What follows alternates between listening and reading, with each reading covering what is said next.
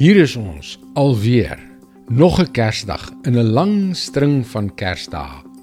Hoe voel jy oor hierdie dag? Wat gaan jy daarmee maak? Hallo, ek is Jockey Gouchee vir Bernie Diamond en welkom weer by Vars.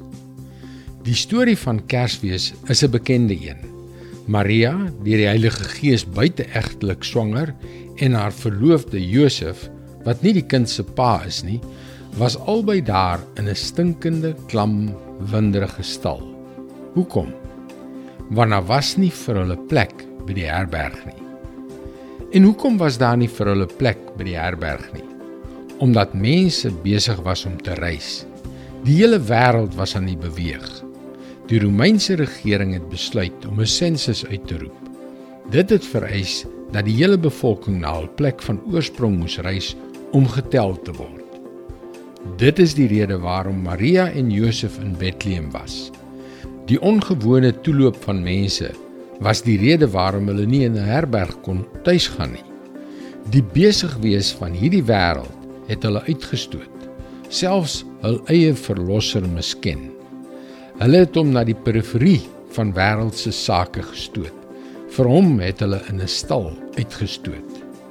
Lukas 2 vers 7 Sy het haar eersteling seun in die wêreld gebring en hom in doeke toegedraai en in 'n krib neergelê omdat daar vir hulle geen plek in die herberg was nie. Ek wonder of dit nie vandag nog die werklikheid van Kersfees is nie. Jesus, die verlosser van die wêreld, word uit die besige wêreld gestoot omdat niemand vir hom plek wil maak nie. Wat beplan jy vir hierdie dag? Gaan jy die koms van 'n verlosser wat jou van jou sonde kom red het, vir jou vergifnis gebring het en 'n nuwe ewige lewe kom gee het, herdenk? Of is jy te besig oorbetrokke by die dinge van hierdie wêreld? Maak plek vir Jesus. Dit is God se woord vars vir jou vandag. My vriend, God se liefde vir jou is onverklaarbaar. Hy is jou verlosser. Hy het gekom om jou te red. Kom leer meer, besoek gerus ons webwerf varsvandag.co.za vir toegang tot nog boodskappe van Bernie Diamond. Sy boodskappe word reeds in 160 lande uitgesaai en bereik daagliks meer as 10 miljoen mense.